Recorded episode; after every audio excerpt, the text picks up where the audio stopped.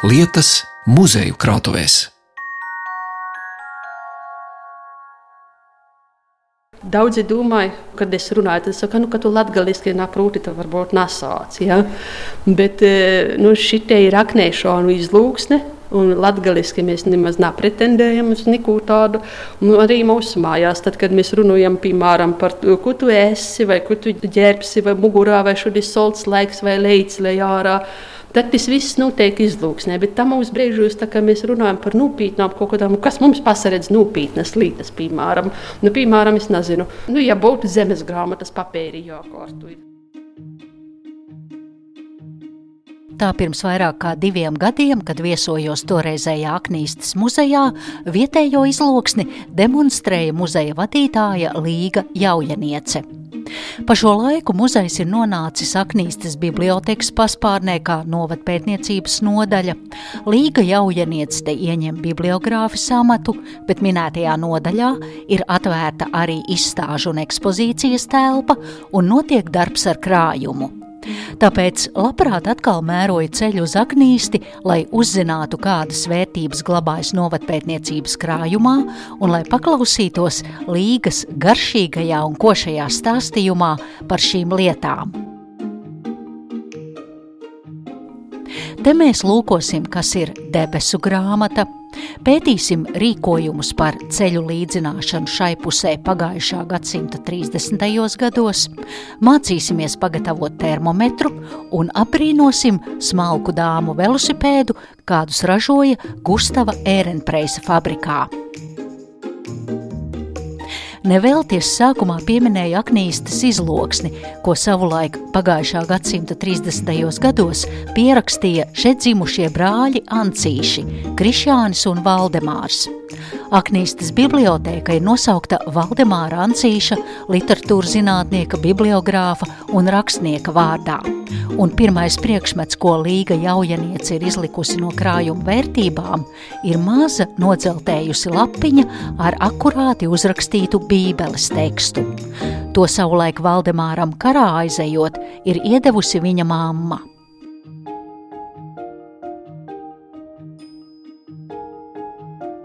Tā kā raidījums vietu lietas skan svētdienās pēc svētkrīta, tai pārējai jābūt harmoniskai no svētkrīta uz vietu lietām.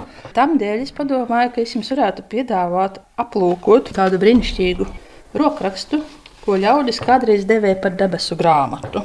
Debesu grāmata ir reliģisks teksts uz lapas uzrakstīts rokrakstā lielākoties kuru deva līdzi ļaudīm, kuri bija atradušies kaut kādos bīstamos apstākļos. Vai nu tā bija veselības kaut kādas problēmas, bet lielākoties tas bija karš. Vai dienests, vai nu kaut kāda tāda dzīves epizode, kurā ir vajadzīga papildus aizsardzība. Kad cilvēks pats likās, ka viņš nevar sevi nosargāt, ka viņam vajag vēl kaut ko vairāk. Nu, debesu grāmatas ir izplatītas absolūti visā Latvijā. Teksti mēdz mazliet atšķirties. Šī konkrētā, kas ir redzama šeit pie mums, rakstīta ar melnu tinti uz mazas lapiņas, redzams, ka viņa ir bijusi salocīta. Locījuma vietas te Locījuma ir. vietas ir kādas 16, uh, nezinu. Un uh, redzams, ka viņa ir nesāta kabatiņā un bijusi konkrētam puisim. Mums ir zināms, tas ir Valdemārs Ancītis, mūsu novatnieks. Viņam šī debesu grāmata bija kabatiņā, tad, kad viņš bija leģionā. Viņš bija iesaukts leģionā, un viņš nesāja šo savā frencī. Viņa, teiksim, viņu pasargāja, ja viņš ir atgriezies no kariem dzīves un vesels atpakaļ.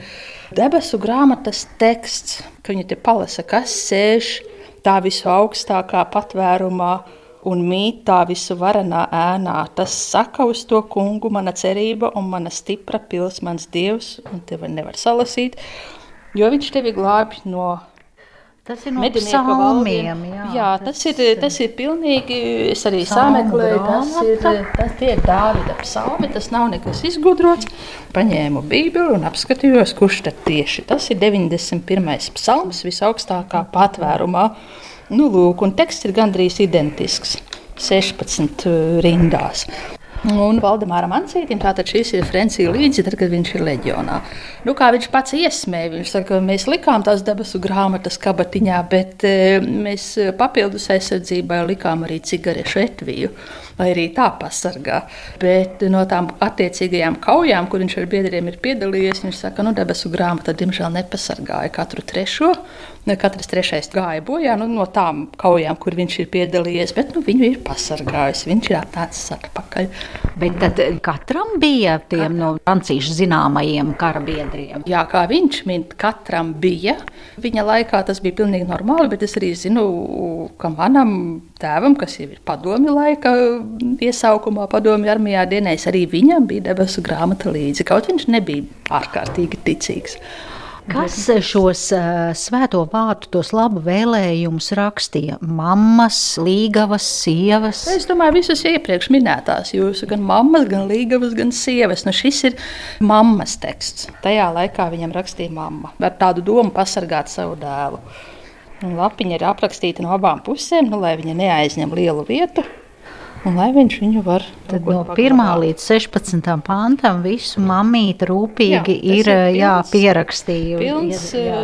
91. psalms pilnā tekstā. Bet kā tas nonāca, ka Voldemāra Ancīš, viņš ir novadnieks? Bija. Viņš ir mūsējais, tepat dzīvojis, literatūras zinātnieks, bibliogrāfs, visu novadu pētnieks, viņam ir ļoti daudz titulu, ko viņam nosaukt triju zvaigžņu ordeņa tā tālāk kavalieris. Kā tas ir nonācis pie mums? Tas ir nonācis pilnīgi dīvainā veidā debesu grāmatu mums neviens nav nodevis kā debesu grāmatu. Ir nodota Valdemāra Ancīša mammas rokas somiņā. Valdemāra Ancīša mammas rokas somiņā ir glabājusies šī debesu grāmata, kuru Valdemārs Ancītis apraksta savā grāmatā, Aknīstas grāmata. Viņš apraksta šo debesu grāmatu, un es saprotu, ka tas ir stāsts par šo eksemplāru konkrēto.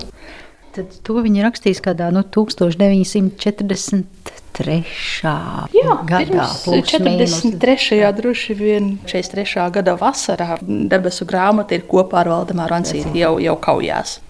Bet man jāprasa, kas tad bija Valdemāra Ansīša mamma, jo es skatos vienkārši par to rokrakstu, ka cilvēks izglītots, ka viņam ir skaists rokraksts. Valdemāra Ancīša mamma nebija augstas skolas beigusi. Viņa bija vienkārša lauku sieva, bet ar iedzimtu inteliģenci un ar gudru vīru kopā. Jānis Ancītis bija viņas vīrs un Valdemāra tēvs.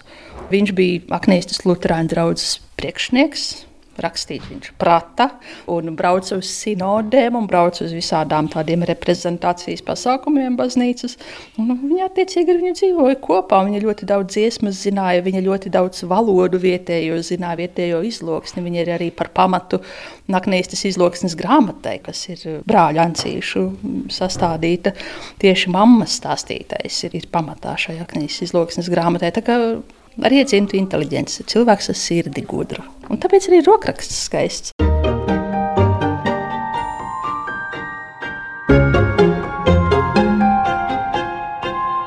Vietu lietas.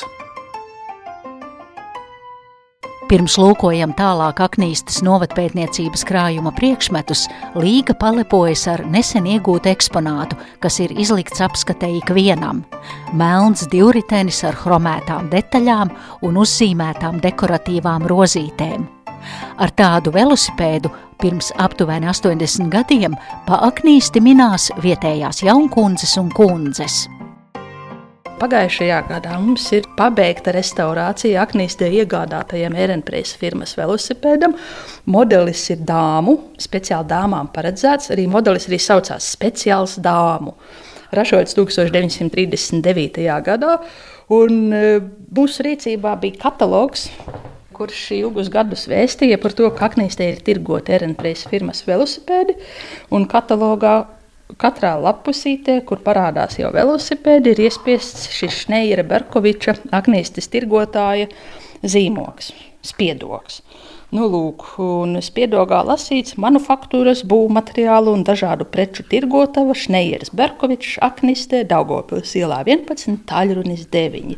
Nu, lūk, tas nozīmē, ka pie Šneiera atnākot varēja pasūtīt attiecīgo velosipēdu, kurš patīk. Vai lētu ikdienas ratu, vai tomēr sevišķi greznu dāmu velosipēdu, kas bija ļoti dārgs. Tas ir visdārgākais modelis. Redzams, parastam, kas nav chromēts, cena ir 145 lati, chromētajam 160. Un kā par viņu rakstīts, sevišķi grezns savā izstrādājumā, speciāls zobrats un sevišķi ērti sedli viens vai divi savienojuma tilti. Tas ir domāts šeit rāmja caurulis un stūri ar priekšbūvi, bagātīgs un grezns niķelējums. Lūk. Nu, palūkojoties uz mūsu restaurēto eksemplāru, redzams, ka tas ir chromētais eksemplārs. Dāma nav skopa bijusi. Viņa ir sapratusi, ka lats pie lata jāliek, govs ir jāpārdod, govs maksā 120 latus tajā laikā, plus 40, ko viņa nopelnīja kaut kur ar sieru, ar olām, ar, ar krējuma tirdzniecību, sviesta mārciņu vešanu uz Jēkabpils tirgu, piemēram. Tā 160 lati tika savākti, un dāma pie Šteinjera Berkoviča nopirka velosipēdu. Velosipēdu viņa varēja dabūt arī bez maksas. Tādā gadījumā, ja viņai bija ražants un spēcīgs kungs, jo Šneieram bija tāda metode, ka viņš teica, es tev atdošu bez maksas Erenpresa firmas velosipēdu, visdārgāko. Tad, ja tavs kungs varēs šo velosipēdu paņemt vienā rokā aiz apakšas rāmja, pacelt viņu augšā, tā stateniski, lai viņš nežļangājas pa labi, pa kreisi, un tad šneiers iegriež riteņus. Un kungam ir jānotur velosipēds ar augstu paceltu roku augšā līdz laikam, kamēr riteņi beidz griezties. Bet tā kā Erenpreisa firmas velosipēdiem ir ļoti laba tā rotācija tam ritenim, tam ratam, tad viņš nekad nebeidz īsti griezties. Tas kungs mūžam nevar dabūt to riteni bez maksas. Bet nu, daudzi piedalījās, bet nav zināms, ka kāds būtu dabūjis bezmaksas velosipēdu.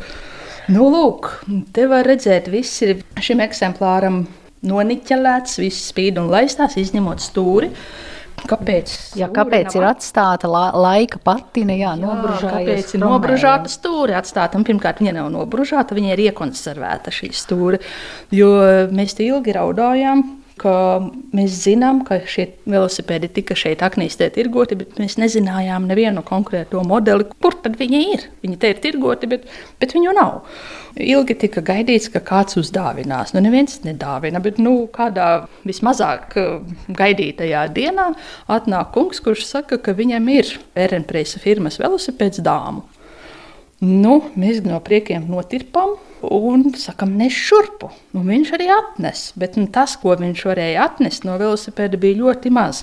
Bija oriģinālais rāmis, stūre un viens pedālis. Nu, lūk, viņš atnesa ļoti nekādu to eksemplāru. Viņš ir septiņas reizes krāsots padomju laikā ar krāsu. Rāmis ir saliekts astotniekā, stūri ir nobružāti ar tiem baltajiem PSRS laika gumijas rokturiem. Nu, nekāds, bet nu, cerība mums bija, ka tomēr no tā nekā var tomēr uztaisīt kaut ko. Un sazinājāmies ar Ernpreisa mazdēlu, Tomu Ernpreisu. Viņam ir savs uzņēmums, kuri ražo mūsdienās jaunos Ernpreisa firmas velosipēdus, vai viņi arī restaurē. Protams, viņi to dara. Nu, viņi apņēmās šo lietu izvest līdz galam. Nu, lūk, un divu gadu laikā mēs esam tikuši pie smalka dāmu velosipēda. Nu, tas tā kā tāds cisku drīļu limuzīns izskatās. Jā, viņš ir smalks un, un kā redzams, nav kājiņas. Velosipēdam nav kājiņas. Varētu domāt, nu kas gan tā ir par nolaidību, kāpēc velosipēds ir bez kājiņas. Nu, kā lai viņu zolīdi pie tirgotavas atslim dāma. Jā. Dāmai nebūs smalki, ja viņai būs jāliecas pēc nokrituša rata. Bet šeit ir maza skrūvīte pie stūres. Un e, viņu atskrūvējam vaļā, un tad stūri grozās brīvi. Mm -hmm. Bet, kā zināms, velosipēds gāžas riņķī tam dēļ, ka viņam stūri sagriežas. Bet, lai stūri nesagrieztos, tad, kad viņš ir atslēdzis pie tirgotavas dāma, atbrauc, nolec no sava rata, ātri uz puišiem skatīdamās piegriež skrūvīti, stūre nevis top nekustīga, bet stūre grūtāk grozās. Un viņš vairs nemet to kūleni, un dāma var zolīdi ieiet veikalā, nopirkt bombonkas un siļķi. Un viņa iznāk ārā, un viņa redz, viņas rats stāv cēlus. Cēlo ratu interesanti var aplūkot kā ierasts attēlu pielikumos mūsu interneta mājaslapā pie šī raidījuma apraksta, bet var arī doties uz Aknīsti, kur līdzās bibliotēkai velosipēds ir izlikts novatpētniecības nodaļas ekspozīcijas zālē. Bet mēs turpinām lūkot Sēlijas pilsētas vēsturi un nākamais priekšmets ir tā paša laika, kad ļaudis šeit vizinājās ar ērenpreisa divriteņiem, rīkojums par ceļu uzlabošanu. Instrukcija ar vairākiem paragrāfiem par to, kā uzturēt kārtībā braucamo joslu.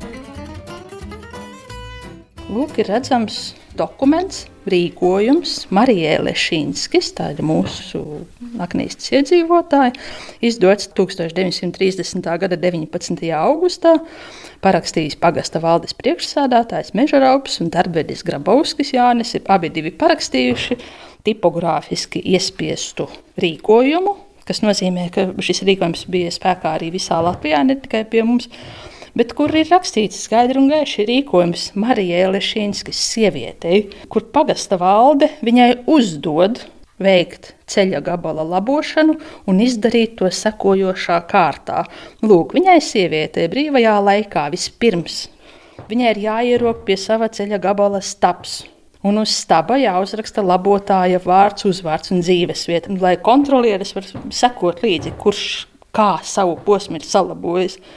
Stabiņa zīmējums atrodas pagasta valdē. Tur viņai vēl bija jātiek pakaļ, jāpaņem viņš.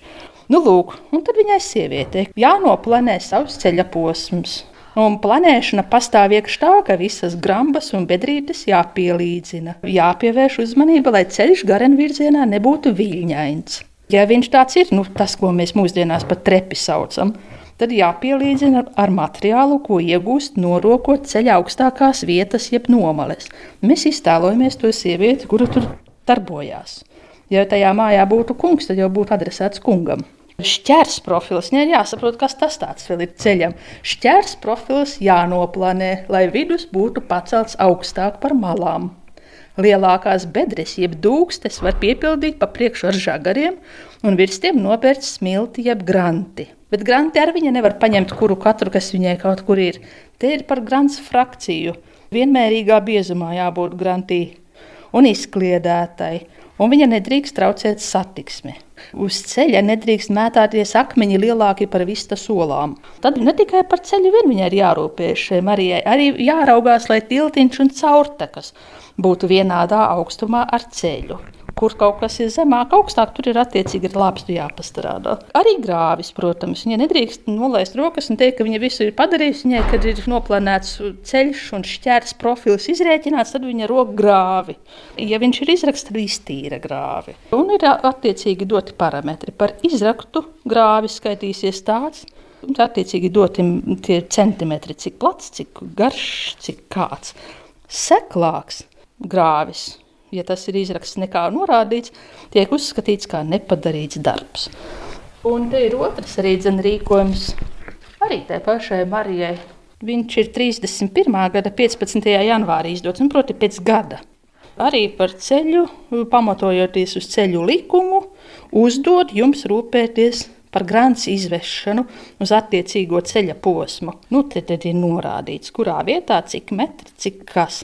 Nu, un tad arī paskaidrots, kādai jābūt grāmatas frakcijai, kā viņai ir jāizlīdzina, kur viņu drīkst, kur nedrīkst bērt. Ka grantī nedrīkst atrasties sniegs un vēlēnas, un cits nederīgs materiāls. Viņai tur ir jāpārrušina tā grāmatas kaudze. Un tā kā rīkojums ir izdots 15. janvārī, kundze nedrīkst stiept gumiju, viņai šis darbs jāpabeidz līdz 15. martam tā paša gada. Bet, ja viņa neizdarīs šo darbu, tad viņai būs sots 50 lati.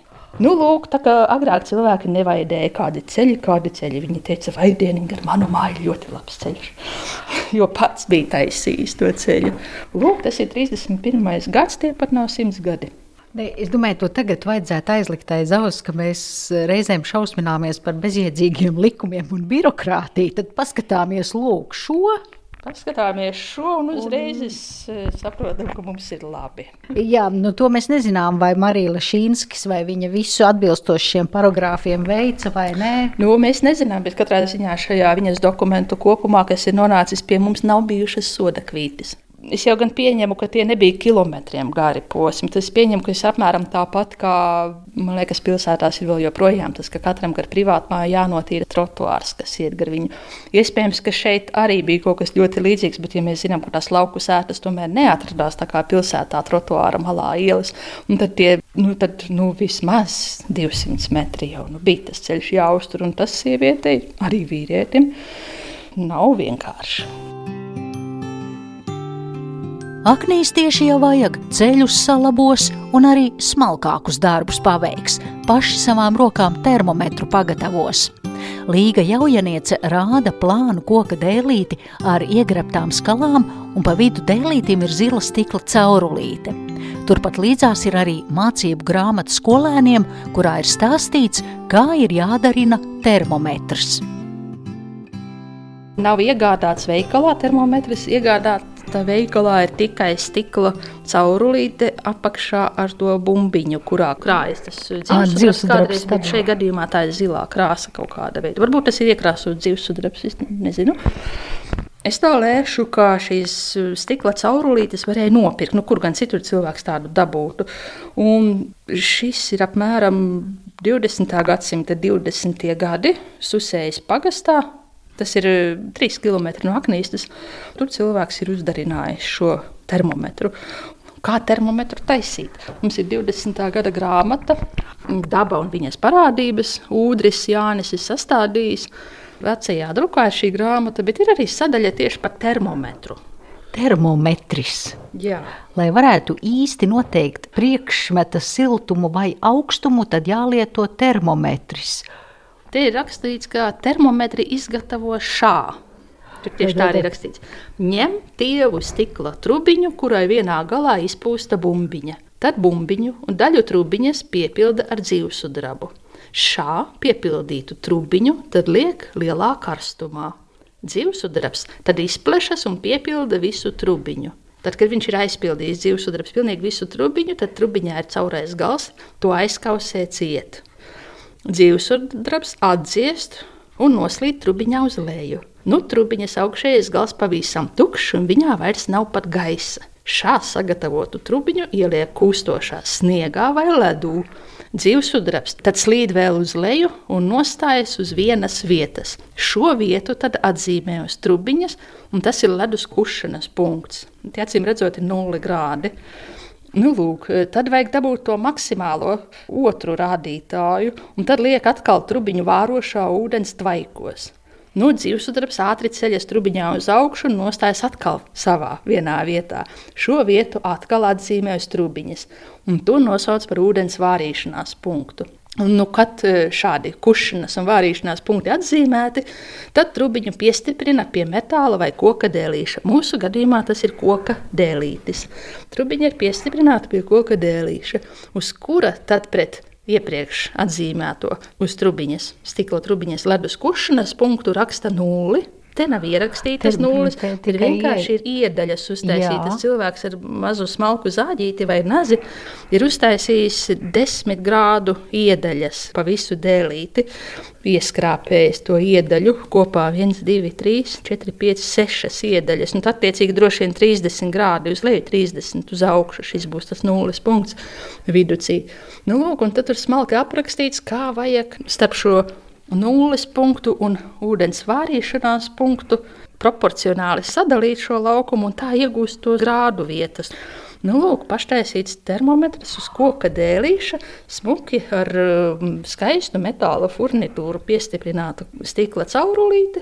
Viņā ir zila krāsa, dēlītiem augšā caurumiņš, lai var zolīdi pakarināt uz naglas droši vien. Un tad tev ir paša rokām darināts termometrs, un tu kontrolē silts, augsts, ledus sāks kust, atkusnis būs, nebūs.